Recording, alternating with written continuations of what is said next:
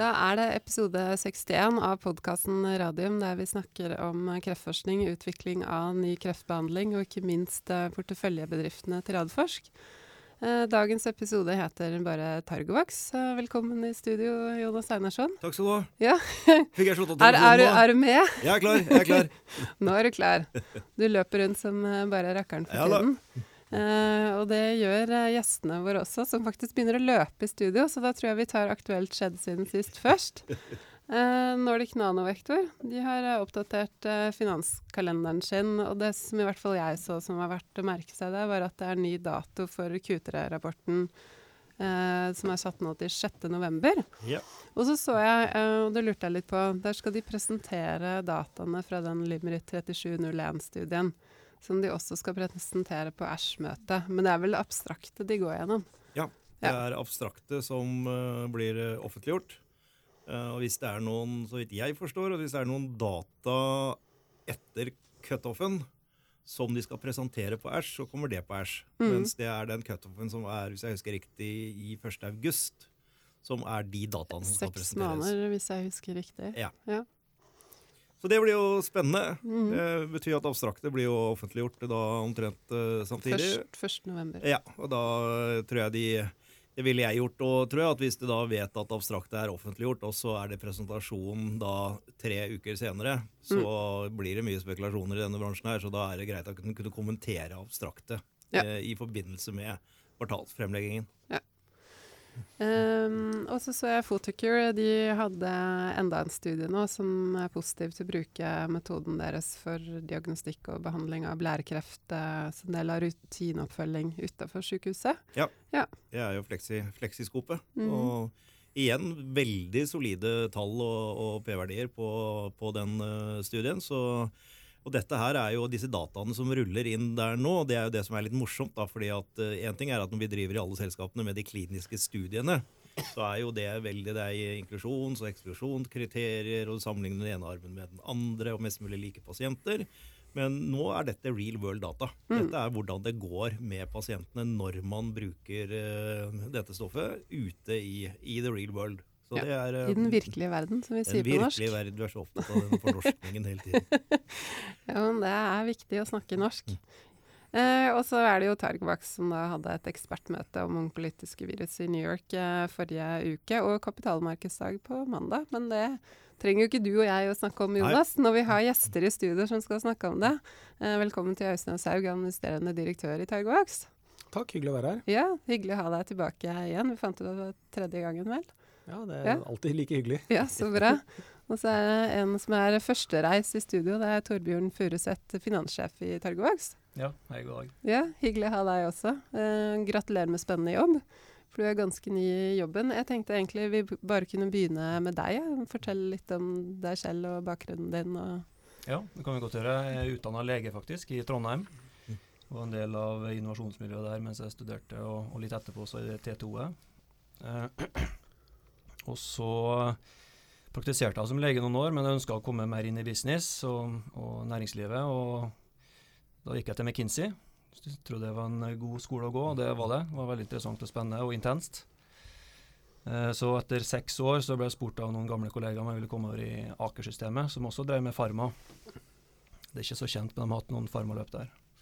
Så da ble jeg med på det, eh, og, og gikk etter hvert over også da i Aker Biomarine, og etablerte og leda da innovasjonsavdelinga der eh, i noen år.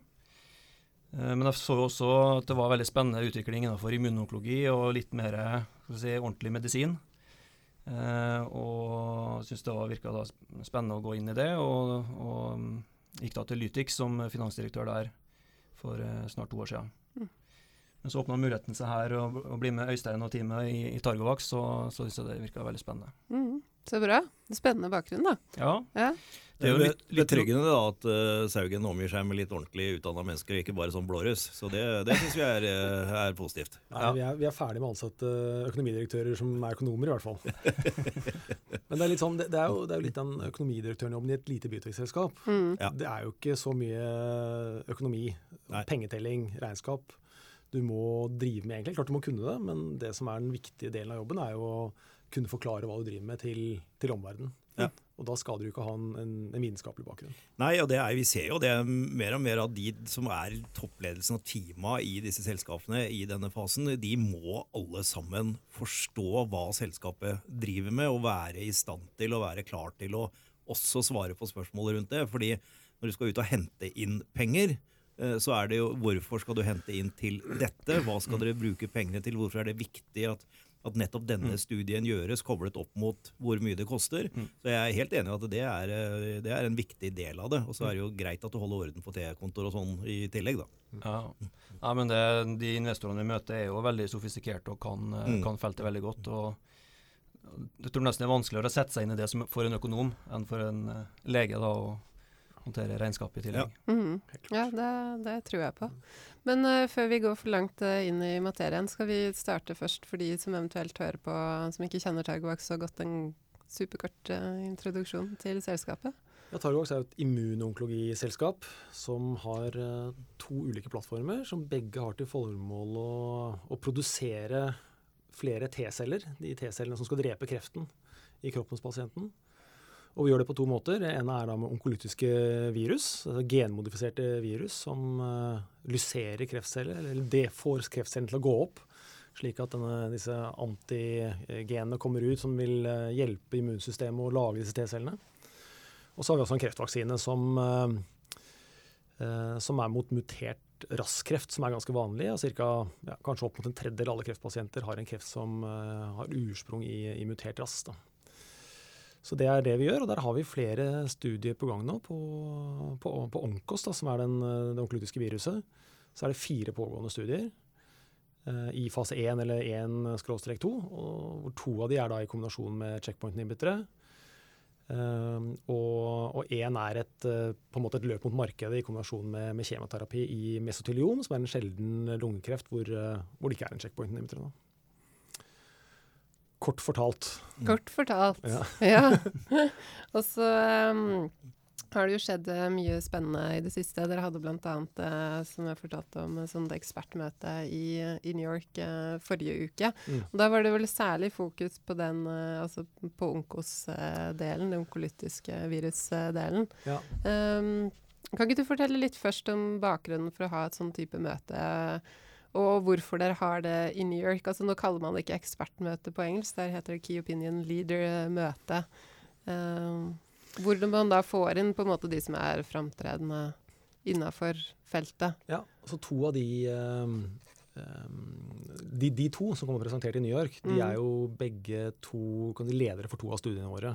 Så begge de to studiene som er i kombinasjon med checkpoint inhibitor, de, de ledes ut fra Sloan Kettering Eh, i New York, som var vel egentlig bare rett rundt hjørnet fra der vi hadde denne mm. eventen. Så eh, rent praktisk så var nok det en viktig grunn. Uh, å ha det i nærheten der hvor de jobbet, slik at ikke de slapp å reise for å komme dit. Ja. Dette er jo opptatte, opptatte karer mm. uh, som driver med, driver med mye. Uh, og spesielt han Dimitri Samarin, han er jo en ekte key opinion leader i, mm. i denne sammenheng. Og han leder en av de studiene våre, da, som sagt. Uh, og det er klart Vi presenterte jo data der, og det er en fin måte å sette dataene i kontekst på. Mm. Og, og, ha en sånn event. Mm. Og det er klart Vi driver jo PR hele tiden uh, i, i, bransjen her. Vi må jo fortelle hva vi, hva vi, driver med, ikke bare til investorer, men også til analytikere og andre som er interessert i feltet. Og Det så man også litt av de som kom der. Det er ikke nødvendigvis bare investorer, men det er jo også andre selskaper som driver i den samme bransjen. Mm. Og Det er så litt min erfaring og det å gjøre selskapet kjent. Eh, det vil vi jo. Eh, det er ikke fordi det er moro å være kjent, men det er, det er ganske viktig for å kunne få utviklet selskapet. Du får med deg partner, at du får med deg kapital videre. Da må selskapet være til en viss grad kjent. Mm. Uh, og måten å få til det på, det er å snakke med mange, snakke litt bredt. Og, og, få den der sirkelen til å begynne å gå, slik at uh, Har du hørt om Targovax? og hvis da vedkommende sier ja, så er det mye bedre enn hvis vedkommende sier nei. Mm. Så vi snakker, med, vi snakker, med, de som vil høre på oss. og Det er investor, analytikere, bankers, peers. Big eh, Pharma. Big, ja, mm. Key opinion mm. leaders. Mm. Alle som vil være på mm. det. Mm. Man ringer rundt og snakker med folk. Sant, det, så, så, det er viktig det å få å bli godt kjent, rett og slett. Mm. Eh, men Du sier dere presenterte data også. Hva var det viktigste dere presenterte i New York? Dette er melanomstudien som er nok den som blir fulgt Eh, tettest Mm. av investorer i hvert fall. Mm. For det er jo i checkpoint inhibitor eh, refraktær melanom. Og det er jo en eh, Det vil si at man har fått sjekkpunkthemmer, og, altså har føflekkreft, sjekkpunkt, fått sjekkpunkthemmer, og så fungerer det ikke. ja, for disse checkpoint-hemmerne de har jo nå kommet ikke sant? i Mm. lunge og i melanom primært. Der, der brukes de nå aktivt eh, som førstelinjebehandling.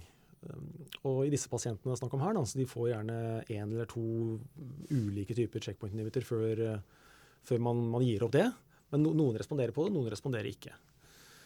Um, og så får de kanskje noen andre eksperimentell behandling, eh, eller de kommer på en klinisk studie sånn som det er. De kan også få kjemoterapi, men det virker dårlig, disse pasientene. Da har du en 15% response rate og masse bivirkninger, så de fleste hopper over det og vil da gå på en klinisk studie Mm. eh, som det her. Og ideen bak vår studie, den er jo da å produsere disse T-cellene Mhm. som eh, de refraktære pasientene da formodentlig mangler. For checkpoint-inhibitere, de, de dreper Eller sjekkpunkthemmere, skal snakke norsk her i dag. De, de dreper jo ikke kreft. Det er T-cellene som dreper kreft. Men sjekkpunkthemmerne de muliggjør T-cellene å, å komme til, kan man si, og, og Mm. drepe kreften. Mm. Uh, så det er klart, de T-cellene må jo være der.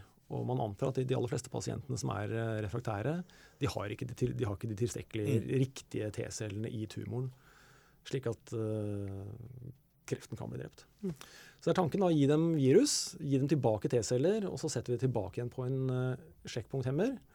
Uh, og så venter vi og ser hva som skjer. Mm.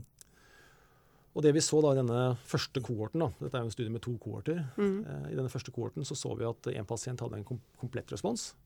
Og det vil si at kreften blir, eh, blir helt borte. Klart det er jo det, det er jo en veldig høy terskel å nå, å nå det. Mm.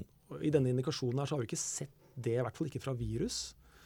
Det har vært eh, andre typer produkter som har, eh, som har hatt lignende virkningsmekanisme, hvor, hvor du har sett noe sånt som kanskje en prosent eller to av, av complete response. Så når vi får, får én blant de første seks pasientene, så er det veldig lovende. Mhm.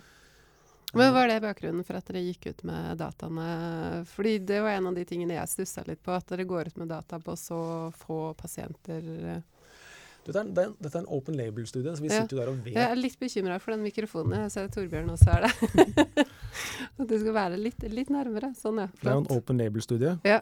så vi sitter jo der og vet dataene underveis. Mm. Um, og når du har data, så må du av og til gå ut med det. Mm. Så det blir en vurdering fra øyeblikk til øyeblikk, egentlig, Mm. om du har nok data til at du kan presentere noe fornuftig. Um, men ja, seks pasienter er kanskje litt lite. Nei, jeg bare spør. Jeg spurte Jonas om det forrige sending Ja, også, men, så sa han det at dette er vel mer som en sånn proof of concept, nesten. Ja, det er, det er jo det. Eh, fordi altså, hypotesen er jo at når ingenting virker, og ikke checkpoint, uh, liksom, virker lenger, eh, så er det ikke, det har vi ikke noe mer. Mm. Og, og så gjør vi dette med, eller dere med, med onkolytiske virusen, og så checkpoint uh, inn igjen. Og jeg har jo sagt det hele tiden, at én complete respons på dette, så vil jeg sånn rent uvitenskapelig, men med min erfaring si at her er det noe som funker. Eh, og det syns jeg er, er veldig verdt å si fra. Og så kan du gjerne kommentere litt, for jeg var jo på den presentasjonen nå, uh, ikke i New York, men som Magnus Gjedeberg holdt nå for noen dager siden. Og han gikk jo gjennom alle pasientene. Eh, og og det, det er jo veldig spennende resultater. Fordi dere må melde Dere kan presentere pasientene etterpå, men dere må melde at det er én complete respons og fem som har progressive disease. Mm. Og det er helt riktig korrekt meldt. Men av de fem som hadde progressive disease, når vi så nærmere på de, så ser vi at det er flere av de som har respons i form av at primærtumor, altså den som får injeksjonen, den minker i hvert fall kraftig. Og så kommer det en ny metastase. Og da blir det dømt som en progressiv disease, og det er helt riktig. Men det betyr ikke at ikke de fem andre reagerte på dette i det hele tatt. Og da er vel deres hypotese av at jo, det, er de, det var vel tre eller fire av de seks som hadde Man kunne måle en form for respons. Ja. eh, og så er vel deres hypotese da at de får responsen, men ikke nok. Ja. Og, og, og det er en annen trigger til at vi faktisk gikk ut med det her nå. det er at Vi, har jo da, vi setter i gang en andre kohort av denne studien. Um, delvis basert på vitenskapelige ja, bevis som har kommet i mellomtiden, og delvis med etter push fra, fra, fra sykehusene som gjør studiene på.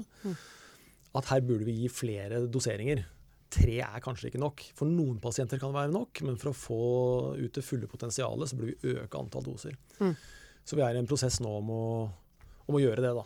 Og øke antall doser i en andre, andre kohort. Dere tar også dere tar baseline biopsier på alle disse pasientene. Ja. ja. Så det betyr at dere kan i ettertid gå inn og se at den eh, Prøv å bare løfte opp den eh, mikrofonen dit. Vi gidder ikke å kutte dette her. Det er sånn, det er sånn som vi gjør det Jeg her i egentlig driver og kikker etter teknikerne, men lurer på om de har løpt sånn. Det funka. Gjør det. Det blir litt mer behagelig for deg også. Så bra. Eh, at man da kan gå tilbake og se at denne pasienten som fikk complete response, kanskje den hadde en viss grad av immunogenitet og, hadde noen T-celler, og det var lettere å booste de. Ja. Mens de som reagerer dårligere, hadde kanskje lavere av det. og sånn at det kan være med å forklare. Og det, det aller beste når vi gjør disse studiene, er jo hvis vi i ettertid kan forklare hvorfor det gikk som det gikk med pasientene.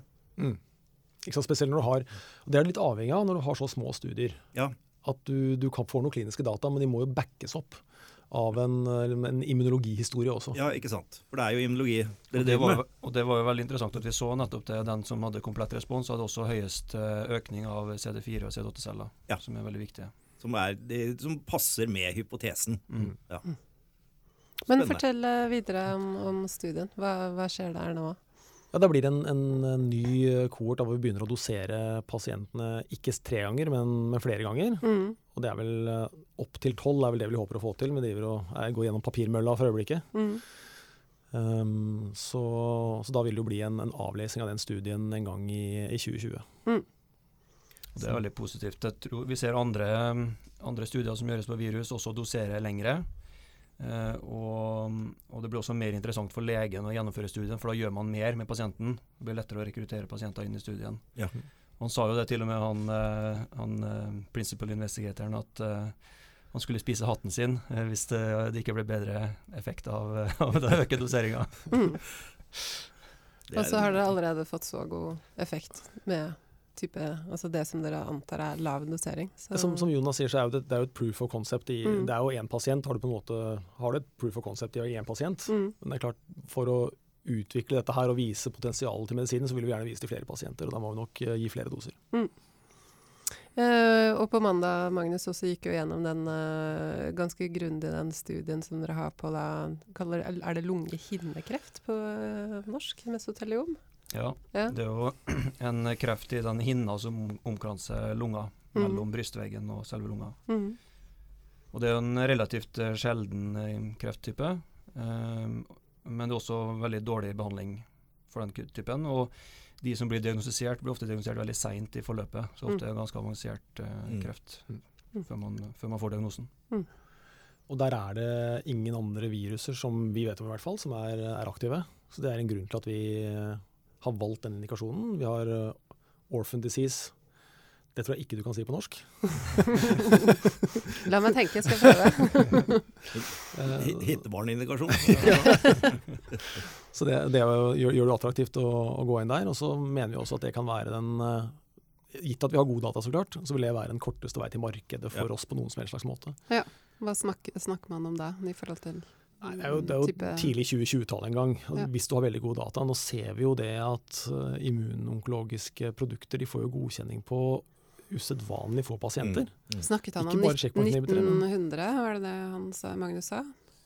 Han nevnte noe om det. Hvis du kjører fase, I fase 3 så kan du kjøre det på 1900 pasienter. Nei, nei. Nei. De, de er, de er, Enda vi har vært nede i 150 pasienter Ja. som uh, på godkjenning. Så, så fortsetter de selvfølgelig med store studier, eh, men, men godkjenning har vært nede i 150. Mm. Ja, man får en midlertidig markedstillatelse, Ja. og så må Ja, man så gjøre videre studier etterpå. Følge dem opp. Mm. Ja. Mm. Og det, det er jo det som har, har skjedd med FDA og uh, EMA de siste årene. at De har jo, blitt, de har jo kommet på pasientenes side Mm. mye mer enn de var før.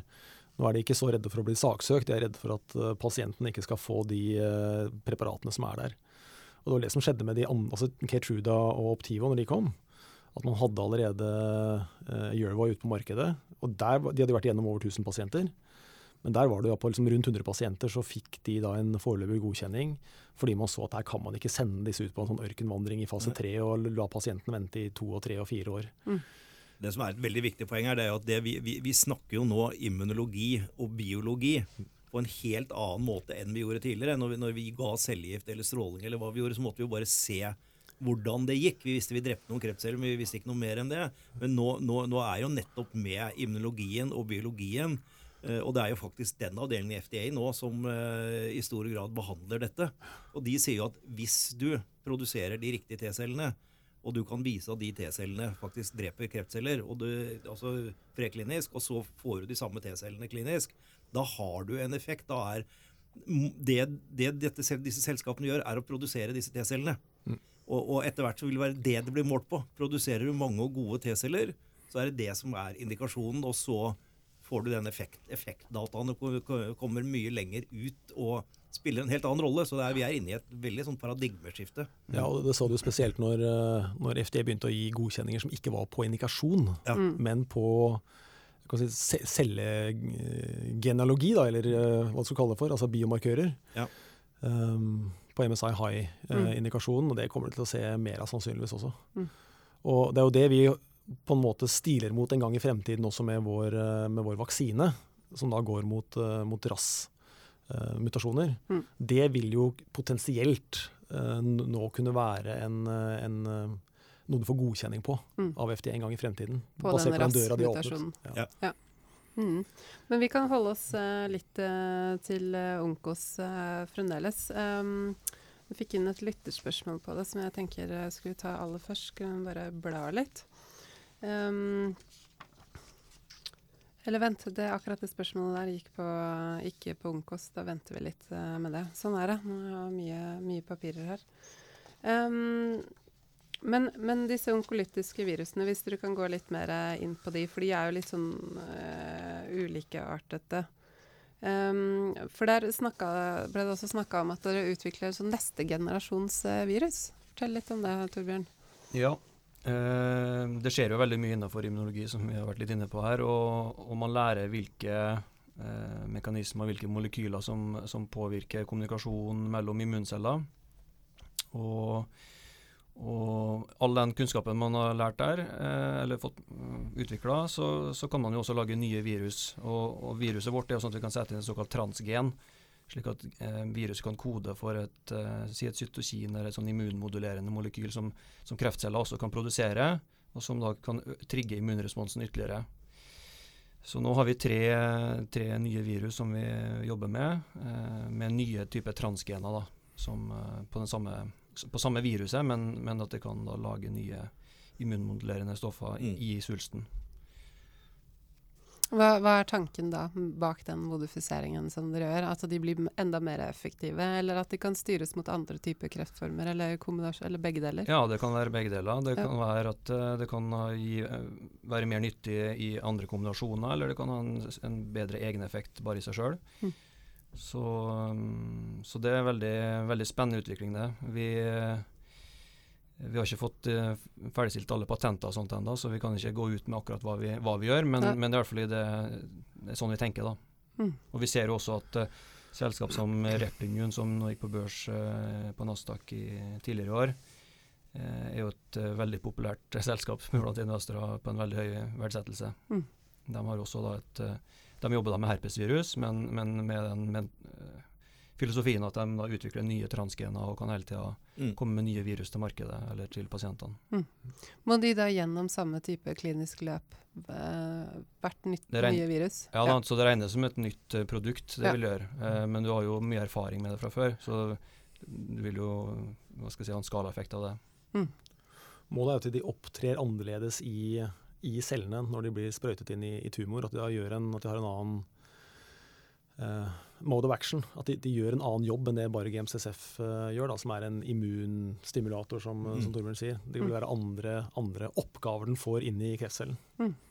Så bra.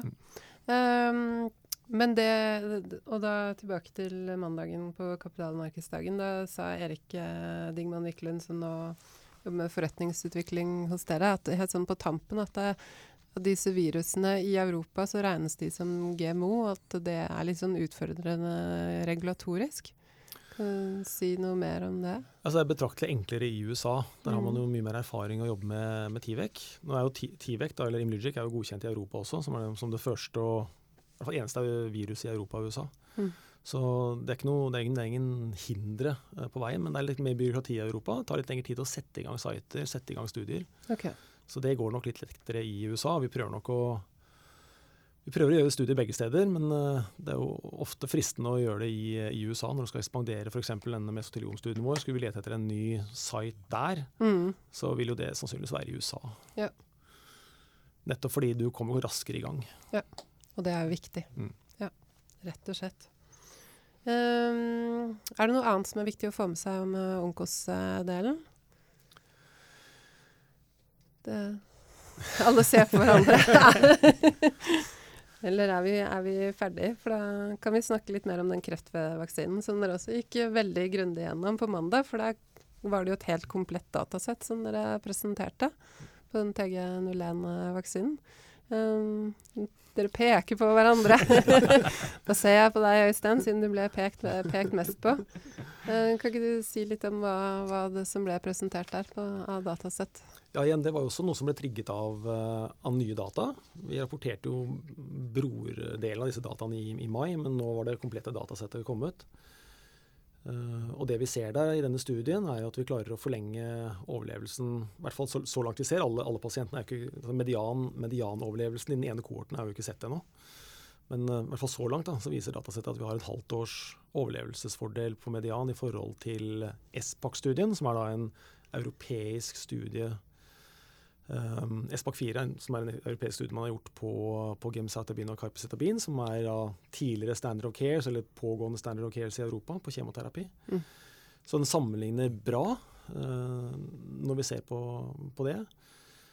Um, I tillegg, så når man ikke har sett så mye i uh, hvert fall de, uh, de vaksinestudiene jeg har sett, så har man ikke sett uh, så god immunaktivering. Jeg vet ikke om uh, Ja, for den var jo kjempehøy. Ja, nei, men Mm. det er, det er helt riktig. Det. Mhm. Altså, over 70 er bra. Mm. Eh, og, og 85-80 er veldig bra. Så, så, så dette her er eh, litt, nesten litt overraskende god eh, immunrespons i, i antall som responderer. Ja. Og og når vi snakker med, med stakeholders der ute som har lyst til å gjøre ting med oss, så, så er det ofte immunaktiveringen som de, som de biter tak i. Den er, den er uvanlig. Mm.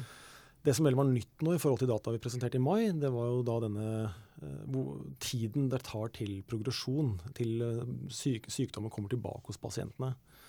Og Det som var interessant der, var at eh, vi har disse to kohortene, hvor i den første kohorten så fikk pasienten dosering sammen med kjemoterapi.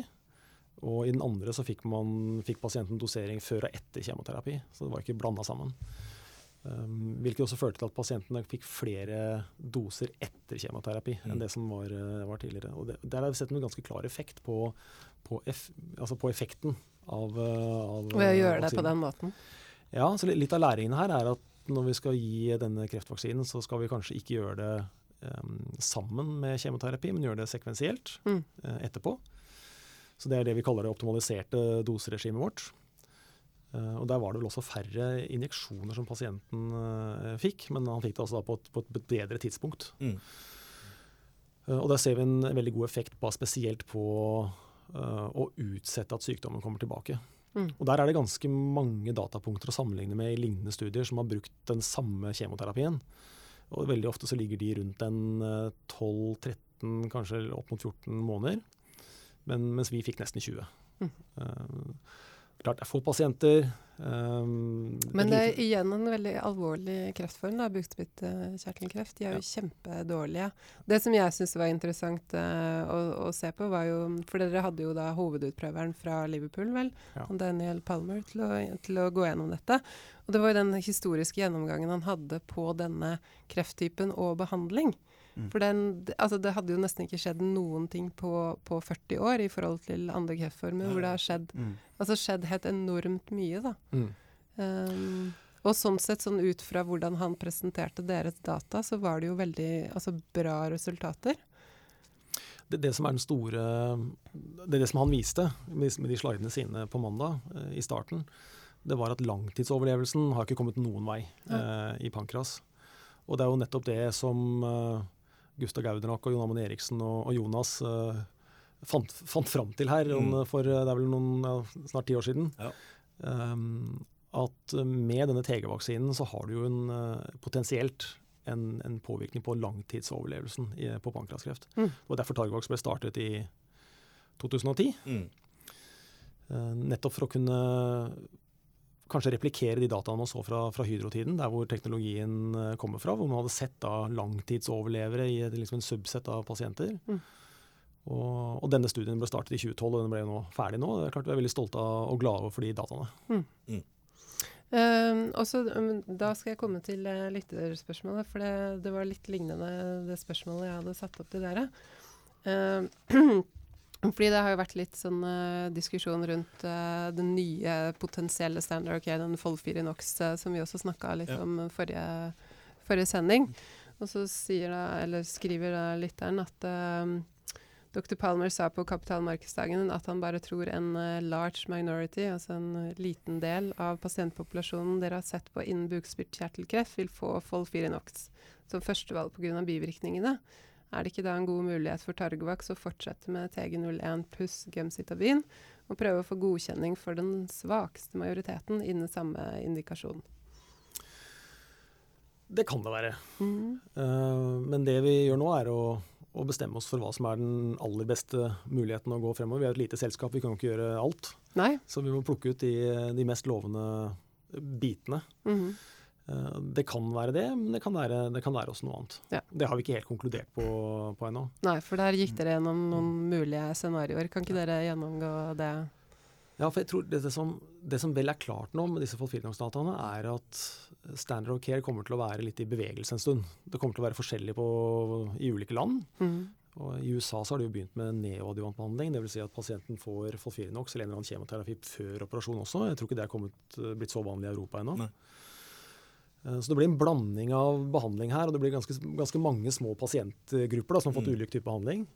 Så en, eh, en, en, en muligens en bedre idé eh, innen denne indikasjonen, eller innen, innen eh, kolorektal, eh, ville vært å vente til pasienten er ferdig med kjemo, igjen å lære fra vår TG01-studie, og, og begynne å dosere pasienten da. Ja. Eh, og da kan du, hvis du da ikke venter på overlevelsesdata, men kanskje gjør en avlesning også på, på progresjon, så vil du kunne gjøre den studien ganske mye kortere og, og mer kostnadseffektiv. Da. Men da tenker dere at det er verdt å vente litt, så dere ser liksom hva som blir Nei, ikke, ikke nødvendigvis. Det kan, du, det kan du for så vidt begynne med i dag. Du bare definerer pasientpopulasjonen til at de er ferdig med uansett hvilken kjemoterapi de har vært på. Mm. Og så prøver du å forlenge den perioden hvor pasienten er frisk etter, etter operasjon. Mm. Men dere er litt i tenkeboksen her i forhold til hva dere skal gjøre for å gå videre med vaksinen. Mm. Si litt, si litt om det, for det også ble snakka en del om på, på mandagen. Ja, altså det er jo um, flere alternativ vi har for å gå videre her. Eh, vi har jo sett at det har en veldig interessant effekt, både for form av immunaktivering og at det um, utsetter tilbakefallet og forlenger overlevelsen. Så det er klart at det er noe her. Um, spørsmålet blir jo da hvor, vi da hvor er det best for oss å gå videre nå? Hvor har vi best mulighet for å lykkes? Mm. Og, og pankrasfeltet ble jo da veldig, kom jo veldig i bevegelse etter den eh, presentasjonen eh, på ASKO. Mm. Um, og, og som Øystein også sier, så er det jo i bevegelse nå. Litt uklart hvordan det vil bli. Jeg tror det virker som USA kanskje er mer eh, aggressive enn man er i Europa på, på å bruke Folfirinox. Det er veldig toksisk, man får veldig Mm. alvorlige bivirkninger. Mhm.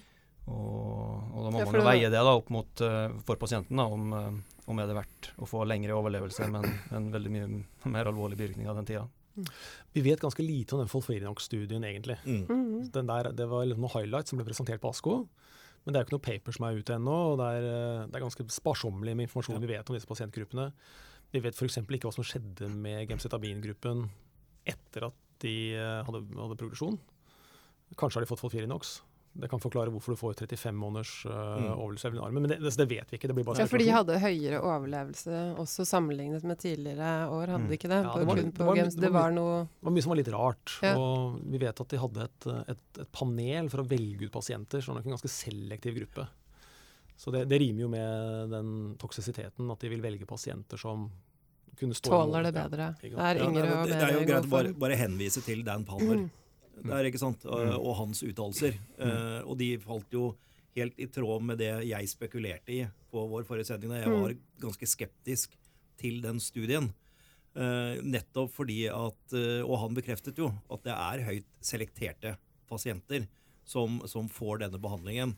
Og da sammenligne det med historiske data som ikke er selektert på, på den måten, det er litt rart i seg selv. Og jeg lurte også på hva som skjer med de gemcitabin-pasientene. Jeg tenker at jeg hadde vært klinikeren der og, og, og, ser at det begynner å komme gode data på Folferinox-behandlingen.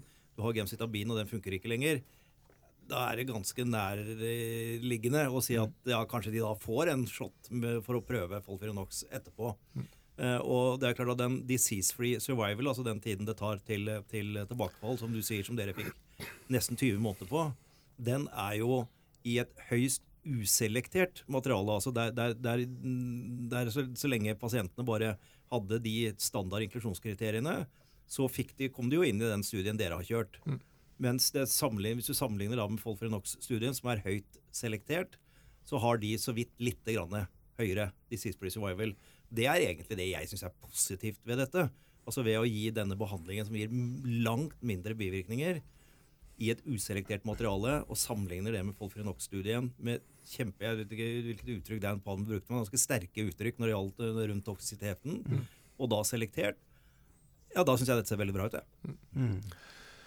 Så Folfirinox eller ikke, jeg tror ikke det har noen særlig påvirkning på vår, vår strategi eh, nå fremover. Og, og, jeg vil ikke si på tross av Folfirinox engang, men eh, samtidig som disse Folfirinox-dataene har kommet, og i ettertid, så er det jo flere eh, akademiske grupper, uh, collaborative organs, samarbeidsgrupperinger uh, innenfor, uh, innenfor, innenfor, denne krefttypen, som har kommet til oss og sagt at dette her er jo, dette her er jo veldig bra. Dere har lite toksisitet. Dette mm. kan du sannsynligvis kombinere med hva som helst. Mm. Og det ser ut som dere har en, en klinisk effekt her.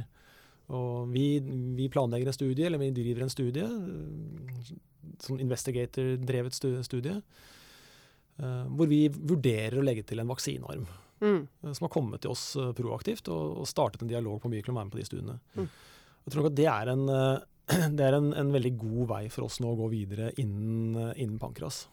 Og, og produsere vaksinen og bruke den i studier som andre driver. Mm. For, for Målet her må jo få dette inn i flest mulig pasienter mm. for å kunne få mest mulig data.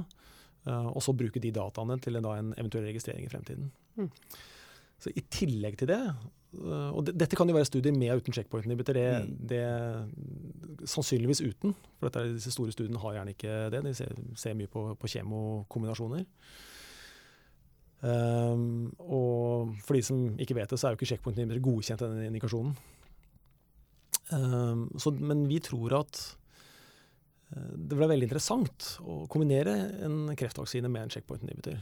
For uh, Kreftvaksinene har jo ennå ikke produsert disse voldsomme, voldsomt interessante dataene. Eh, og det kan være at checkpoint inhibitor er en, en missing link her. Mm. mm. Eh, på papiret så er det jo det. Ja. Og vi tror at det kan være fornuftig å gjøre en liten studie og kombinere checkpoint inhibitor med, med vaksinen vår. Mm. Sannsynligvis da enten i, i pankras eller i, i kolorektalkreft. Mm. for å kunne få en indikasjon da, om ja. den kombinasjonen er fornuftig, og at TG er et godt produkt å kombinere med checkpoint inhibitor. Mm. Mm. Det er spennende. Så, kollegaene deres i, i Ultimovax, som er et selskap vi snakker en del om her, har jo kjørt en, eh, riktignok liten ennå, men allikevel en studie i kombinasjonen med Jervøy, Jervøy altså Setla 4. Mm. Eh, og den eh, viser jo på disse pasientene så langt veldig spennende data og en veldig, veldig god immunrespons. Så, så det er jo, er jo liksom en indikasjon. Og, og, og, tanken bak deres vaksine og eh, ultvaksinvaksine og targovaksvaksine er jo egentlig akkurat den samme. Det mm. bare har eh, to forskjellige angrepsmål. Mm. Og det, det, er jo veldig logisk eh, at det skal virke med en sånn PD1-hemmer også. For vi, vi, har jo vist at vi klarer å lage de riktige T-cellene eh, med vaksinen. Og eh, vi vet også at kreftsvulsten ofte er resistent mot eh, det celledrapet fra, fra T-cellene. Men hvis du da legger på en, en PD1-hemmer, så muliggjør du da det celledrapet fra, fra drepercellene. Så, så veldig logisk at det skal funke. Ja. Det, mm. det, det. Så bra. Når bestemmer dere dere, da? Det er vel 1000-kronersspørsmålet. Det var vel noen som spurte om det på mandag også? Altså innen noen måneder. Ja. Det er liksom interne prosesser som uh, vi må bli ferdig med før vi ja. kan sette to streker under svaret. Mm, så bra. Um, hvis vi går eh, Ja, for å oppsummere litt for lytterne, hva, hva skal de merke seg av milepæler framover uh, fra dere? Det første store som kommer, er jo at vi får flere data på den melanomstudien, flere pasienter. Mm. Så det vil vi få i løpet av første halvår. Eh, den fulle første kohorten, der vi da doserer kort bare tre ganger først. For det er noen pasienter som fortsatt er inne der, og som kanskje kanskje kommer inn noen til også, før vi får gjort den endringen. Så, så de vil jo lese av um, uh, i første halvår. Så det blir veldig spennende. Uh, og så håper vi også å få litt uh, data på den, den kolorektalstudien vi kjører sammen med TG02 i Australia og New Zealand. Mm. som vil, vil, gi oss også en bedre forståelse av hvordan TG fungerer sammen med, mm. med checkpoint inhibitors.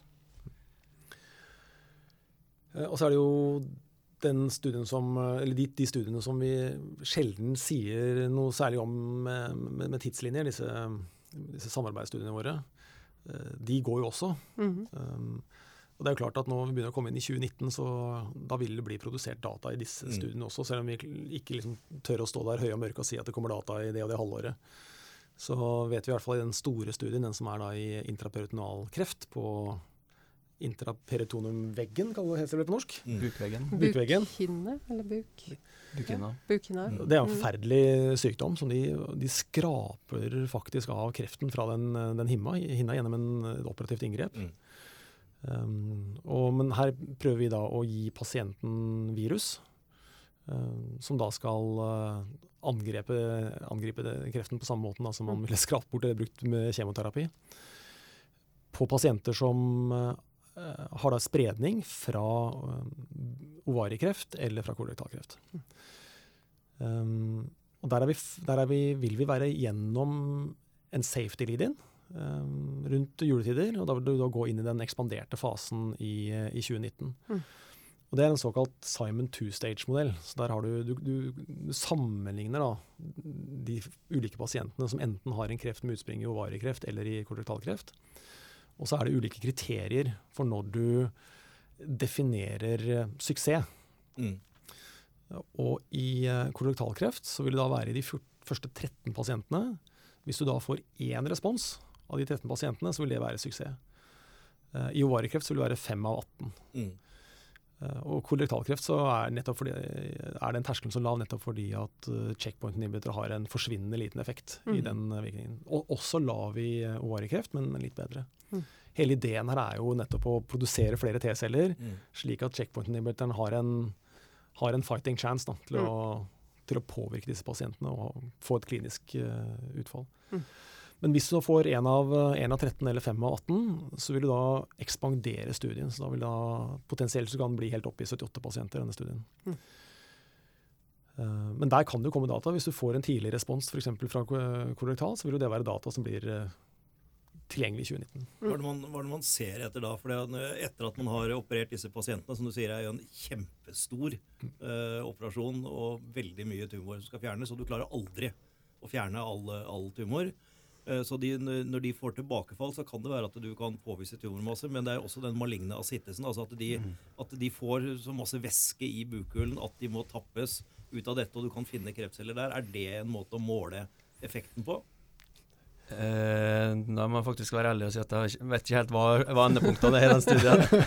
Men det er helt riktig som du sier at asites, eller væske i bukhula, er, er, en veldig eh, plagsom for pasienten. Og, det er ofte det de dør av. Uh, og, og, grunnen til at jeg sier det, er jo at det er noe som kommer raskt. Mm. Og jeg er jo alltid opptatt av at hvis det er noe vi kan måle effekt på som det går vanligvis kort tid, og du da, da kan tidlig få og se at du utsetter den bivirkningen eller den, den form for uh, progresjon. Mm, mm.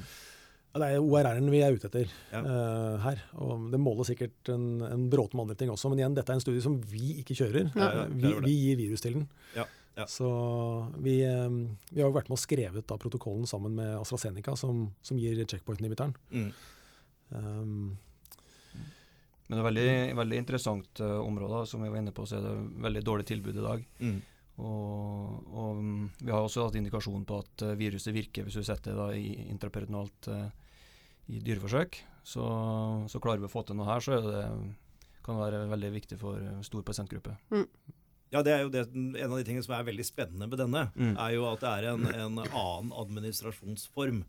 Eh, Du har den intratumorale, og så har du den si, intrakavitale. Mm. Eh, altså inn i hulrom. Det kan være i pleura, eller det kan være i, i perineum, som er her. Eller, Nå var det mye faguttrykk her, Beklager. eh, altså i- doktor der- Einarsson. Der hvor man kan komme inn i hulrom og sette det inn. Ja. Du sprøyter ikke inn i tumor, men du setter det inn der hvor det sirkulerer tumorceller og er små og store. Eh, der, og, og ser da at viruset kan komme inn i kreftcellene selv om du ikke sprøyter det inn i de. Mm. Og det biologien sier at det, det bør jo kunne funke, fordi at de kreftcellene vil jo gulpe inn den, den virusen, og, Mm. og at det virker der. Og viruset vårt er også modifisert for å nettopp være spesifikt eh, mot uh, kreftceller, Ja. som har eh, CD46 og Ja. overtrykt. Så bra. Det blir spennende. Vi får bare følge med i 2019, da. Når det eventuelt kommer noe fra den studien også. Um, men uh, litt tilbake til onkolytiske virus. Uh, for det er jo et sånt område nå hvor det er et skikkelig race. Det har akkurat hatt et oppkjøp der, en by- Børing Ringheim som kjøpte opp uh, Vira Therapeutics for 230 millioner euro. Um, hva betyr det for dere? For det er jo ikke så veldig mange som holder på innenfor onkolytisk virus, hvis jeg skjønte Magnus riktig fra Altså det, det det betyr sånn rent praksis i det korte bildet, er at det er mye mer, eh, at det er mye mer oppmerksomhet rundt eh, hele feltet hos oss. Når vi, spesielt når vi er i utlandet. Det er jo Mm. klart det er jo, det er jo de spesial, spesialistinvestorene, spesialistanalytikerne og key opinion leaders og big pharma som, som, eh, som snur om måten å tenke på her.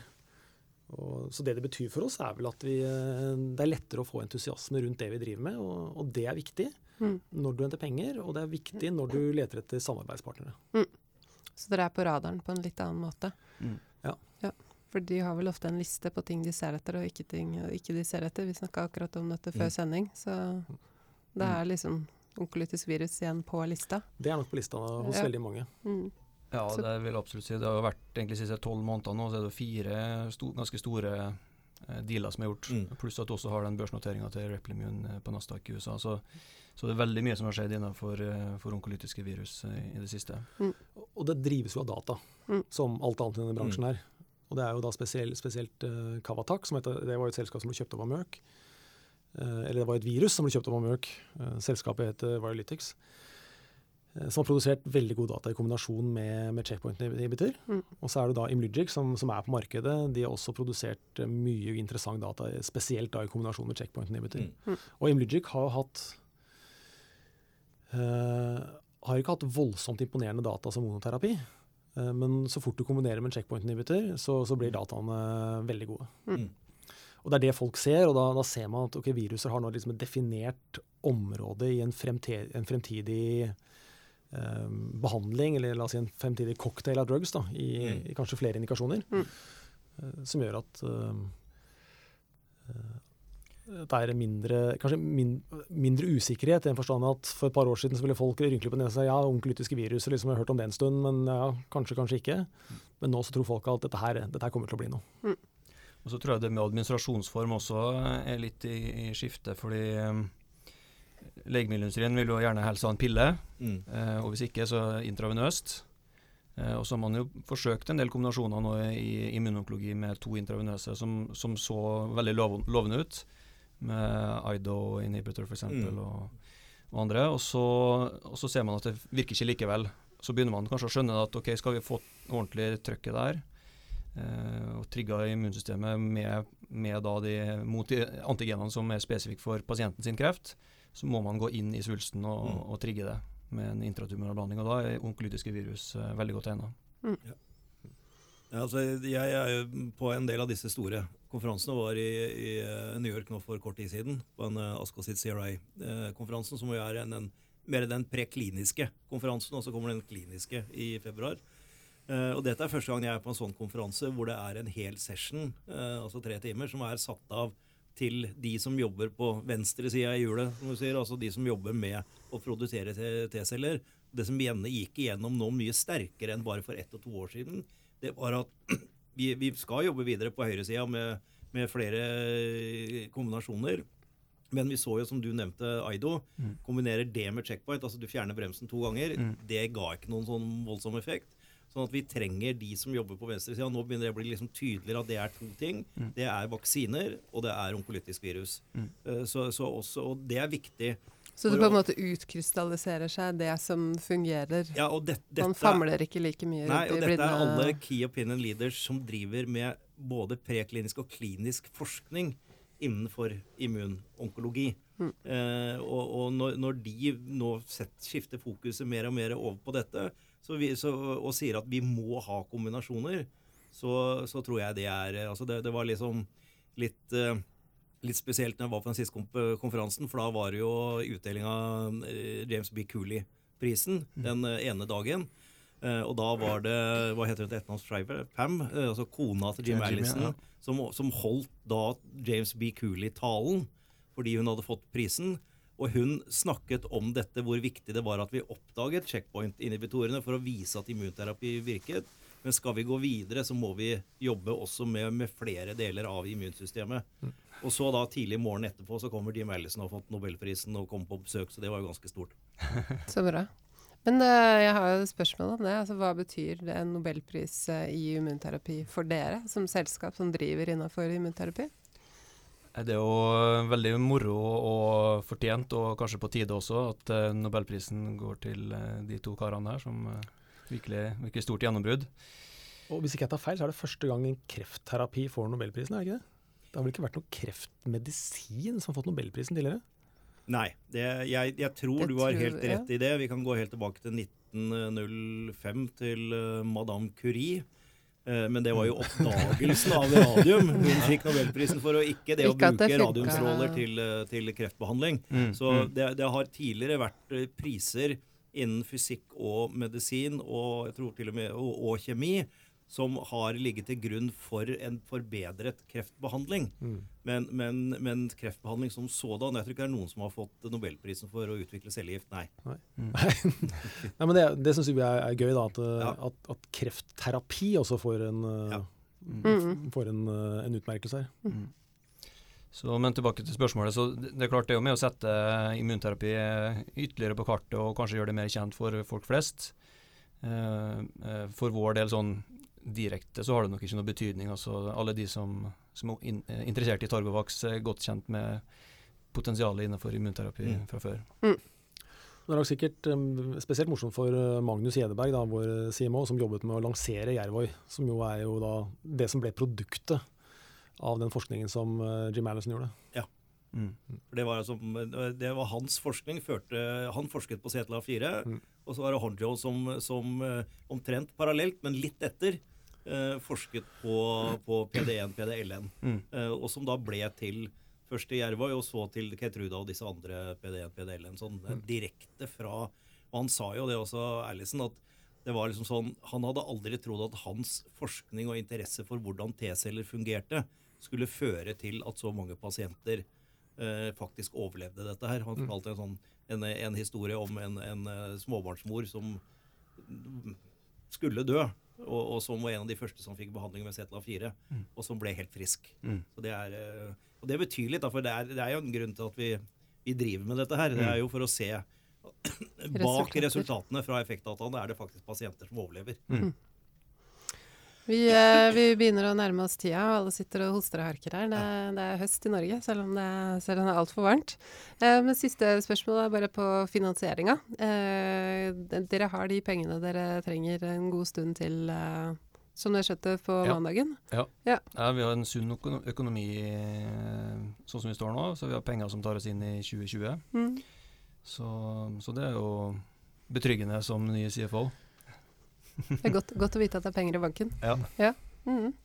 Eh, har du noe å legge til, Einarsson? Nei, jeg syns det har vært en, en, fin gjennomgang, og, og viser virkelig at eh, det vi må måle selskapene våre på er, i utvikling, er data, data og data. Og så tygge godt på de, høre hva Key Opinion Leaders og andre mener om disse dataene i forhold da til å gå skritta videre eh, og finne de riktige, og så Eh, Jeg ser heller at dere venter en måned eller to ekstra på å komme med, med den endelige planen for videreutvikling av TG01. eh, Så lenge dere bruker den tiden på å designe de riktige kliniske studiene. Det vet jeg dere legger vekt på. Så bra. Takk for at dere kom i studio, og lykke til videre med utviklingen. Takk for det. Takk skal du ha.